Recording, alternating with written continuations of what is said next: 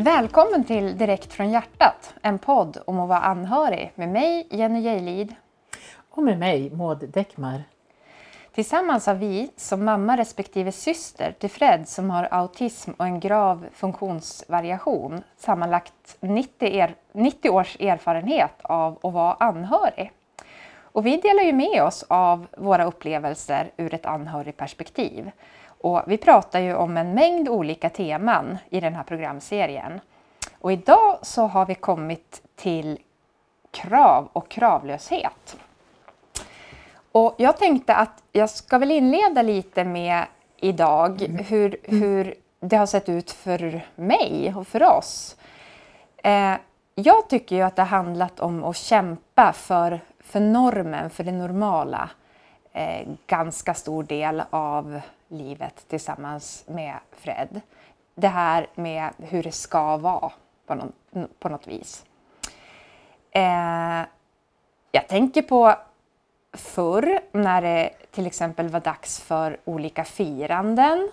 Till exempel jul eller påsk eller midsommar.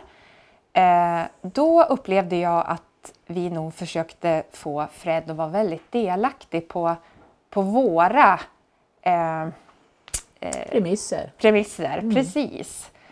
Eh, och det är ju självklart att det var en god tanke i det här, men det kan ju också bli väldigt fel med all välvilja. Som vi vet så brukar ju sådana här större sammankomster, till exempel midsommar eller ett födelsedagsfirande, ofta innebära ganska mycket människor. Så var det i alla fall för oss. Eh, och där tänkte vi ofta att Fred skulle vara med och det slutade ju ofta att det blev ganska jobbigt, att han mådde väldigt dåligt i det här och blev väldigt stressad och kunde faktiskt få stora utbrott. Eh, så jag tänker att med all välvilja så är det lätt att, att ha krav på att ha ett så normalt liv som möjligt, både för oss och för, för personen som, som Fred. Eh, då vill jag ta ett exempel från hur det blev i lördags. Då hade ju Fred en sommarfest där han bor. Eh, och jag kan tycka att det blev ganska bra. Eh, där fick vi utlopp, tycker jag, för vårt krav ändå som vi har på normalitet. Vi hade ju en liten, eh, ett litet knytis och Fred, och eh, hans personal och, och boende och vi i familjen var med. Eh, och det blev en trevlig, en trevlig stund. Men Fred funkar ju lite annorlunda än, än, än dig och mig, Maud. Ja. ja, så han vill ju inte sitta ner och äta. Det är inte riktigt hans grej när det blir för mycket krav. Utan han valde ju att stanna inne och stå och titta ut genom ett fönster på oss. Och någonstans ska jag tänka att den där bilden när han står där och tittar på oss och nog känner att vad håller de där knäppjökarna på med? Och så får vi då vara de här knäppisarna ändå som eh, sitter och håller på med vårt. Mm. Och jag tycker att det blev en väldigt förenande eh, jag söker ett ord. Upplevelsesituation? Nej. Ja, men, men det förenade liksom det här med att, att mm. båda sidor fick finnas mm. i det där som jag tycker mm. var väldigt fint. Att, att han blev inte tvingad till något och ändå kunde vi mötas tillsammans. Mm. Eh, vad, vad, vad, tänker du? Ja, men alltså för mig som mamma då, så har det ju alltid varit viktigt med hans delaktighet. Eh, och eh, det har ju också legat i tiden liksom i många år. Man har jobbat för sådana saker inom föreningen Autism och inom FUB och, och så. Eh, just med delaktighet i samhällsfrågor, i, i sånt som pågår. Så delaktighet har ju varit viktigt. Sen på det personliga planet så har det ju varit naturligtvis viktigt för mig också. och jag tänker det att, att den här goda tanken om delaktighet Eh, Eh, det är ju en välvilja som ligger bakom det. Vi vill ju så himla väl att han också ska få vara med om eh, roliga och bra saker. Men jag tänker också, jag har någon gång hört talas om det här uttrycket välviljans förtryck eller välviljans tragedi. Och på något sätt så tänker jag också att i den här välviljan, när vi, som du berättade om, eh, Fred skulle vara med på släktträffar, midsommar och så vidare, så blev det inget bra. Tanken var god men det blev inget bra. Han mådde dåligt och andra kunde må dåligt också. Så att för mig som mamma så tog det många år innan det kom det här som du Jenny har lärt mig kallas för synvända. När man tänker om i livet. Och det, det, tog lång tid för mig att göra. Jag har behövt mycket hjälp med det för att komma fram till det också. Att idag kan jag känna verkligen att Fred slipper vara med. Att det absolut inte är någon värdering i det, inget laddat. Utan han mår bäst om han inte behöver vara med i stora sammanhang med mycket folk. Eller eh, lyssna på mycket stök eller träffa eh, Eh, personer som springer iväg och beter sig, liksom, eh, rör sig snabbt och låter mycket och sådär. Det är ju inte hans grej. Eh, han tycker inte om det, han mår inte bra av det. Så idag så slipper Fred vara med helt enkelt. Och då kan man ju tänka på dagens rubrik, krav och kravlöshet. Att förr blev ju det här med välviljan, det blev ju ett krav på något vis på honom där han inte lyckades motsvara våra krav på något vis. Och jag kommer mycket väl ihåg för ett antal år sedan när Fred fick i ett höj, ett ganska ny personalgrupp, det var ganska många nya. Och Fred hade då varit med på omsorgsdanserna tidigare, flera olika aktiviteter och det var aldrig enkelt. Så började den här nya personalgruppen eh, och jag upptäckte ganska snabbt att de flesta aktiviteterna var borta. Så jag, jag frågade då, men alltså dansen, eh, simningen, det ena och det andra, vart tog det vägen? Och den här personalgruppen var väldigt utbildad och väldigt erfaren och sa till mig Fred mår inte bra av att delta ute i samhället i olika eh, sammanhang. Så att han, han vi, vi, har ordnat mindre och enklare aktiviteter för honom. Jag lärde mig jättemycket eh, om att se till hans behov och då blev ju kravlösheten, alltså att inte ha så höga krav, eh, något att verkligen fundera på.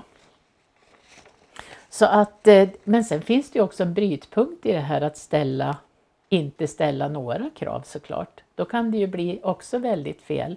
Men att fundera på nivån på kraven. Vad ska vi ha för krav? Och, och hur, hur lite krav ska vi ha egentligen? Ja, jag tänker också lite grann krav på oss själva har vi ju också. Ja men precis. Ja men jag håller helt med och jag, jag får ju en reflektion när du pratar om exakt det här för då, då, då tänkte jag precis på det här du säger när du insåg att Fred kanske slipper fira midsommar. Ja visst är det fantastiskt. Ja, och kan det hjälpa någon att lite tidigare kanske släppa kraven på sig själv i det? För att då, förr handlade det också om att de gånger vi faktiskt kanske inte då orkade utan bestämde att nu ska Fred inte vara med för att, mm. att vi orkar inte. Ja men då gick ju så mycket energi åt till sorg. Att, att det var så fruktansvärt ändå att Helt det var sant. så. Istället för att det kunde ha förvänts till liksom lycka och glädje. Att nu mm. slipper han det och vi får ha det bra och så kunde vi ha mått bra. Men så då sant. skulle man lägga energi på att må dåligt ändå i det. Mm. Mm. Eh, nu är det ju inte längre så på något vis men det mm. tog ganska många år. Och kan någon annan kanske få den här synvändan lite tidigare än när barnet är vuxet så är det ju fantastiskt. Ja, faktiskt. Klart. Det är ju en gåva. Verkligen. man faktiskt kan, kan tänka så. Mm. Och, och, jag kan hålla med om att, att min synvända har ju tagit jättelång tid eh, när det handlar om att vara syster. Jag har ju ständigt levt med ett dåligt samvete och känt att det spelar ingen roll jag, jag kommer ju liksom alltid att brista som syster har jag mm. känt. Det spelar mm. ingen roll liksom. Det, jag, jag ger ju inte Fred tillräckligt. Jag hälsar verkligen inte på honom särskilt ofta, så är det ju. Och det har ju varit en enorm skuld i det. Och samtidigt när jag har vänt eh, tanken lite grann och, och, och normaliserat och få liksom en lite mer normal syn på sitt syskonskap. Att även om man har ett syskon med en funktionsvariation så, så kanske man inte behöver ställa kravet på sig själv och, och, och ses varje vecka. Eller det finns säkert de som har krav på sig själv att ses många gånger per vecka. Tänker jag. Ja, och, och, och där finns ju för mig också det perspektivet då, de krav jag ställer på mig som förälder. Och det är ju naturligt, naturligt att, att kanske det är ett lätt, eller vad ska jag säga, så att man som förälder lättare ställer ett högre krav på sig än vad ett syskon gör. Så, så är det väl, det kanske är svårare. Eh, och när situationen ibland, det, det kommer ju tider eh, när situationerna för Fred blir svårare. Kanske när han måste byta personal eller när det händer saker. Och eh, då, då känner jag ju verkligen det här kravet väldigt starkt att jag behöver hjälpa till, jag behöver träda in på något sätt. Och, men samtidigt så måste jag säga att det är bättre idag, det är lättare idag. Jag har funderat mycket på det här och, och vi har ju pratat mycket också. Så att eh, även om jag känner det och fortsätter att känna det naturligtvis, att jag vill finnas för honom och hjälpa till eh, när det blir svårt, så, så känner jag inte det här enorma trycket utan jag kanske närmar mig lite mer det här att jag är också good enough. Jag, jag får också helt enkelt göra så gott jag kan. Jag tänker också på krav på personal. Jag har ju kanske, om vi tittar tillbaka, haft mycket krav på personal. Att det ska funka för Fred, att man ska eh, Eh, hålla de här aktiviteterna vid liv till exempel och andra saker också. Och det har också minskat. Jag, jag, även där är jag liksom mera inne på att jag är glad att man tittar på Freds behov, på hans dagsform. Vad klarar han av? Vad, vad vill han? Och så vidare. Eh, det kan ju också vara lite kontroversiellt det här om man tänker att eh, kravlösheten skulle ju också någonstans kunna eh, fastna i att man inte har några krav, att det bara ska vara någon slags let go system i det hela, att man, man behöver inte göra någonting med Fred. Och så menar jag ju inte heller.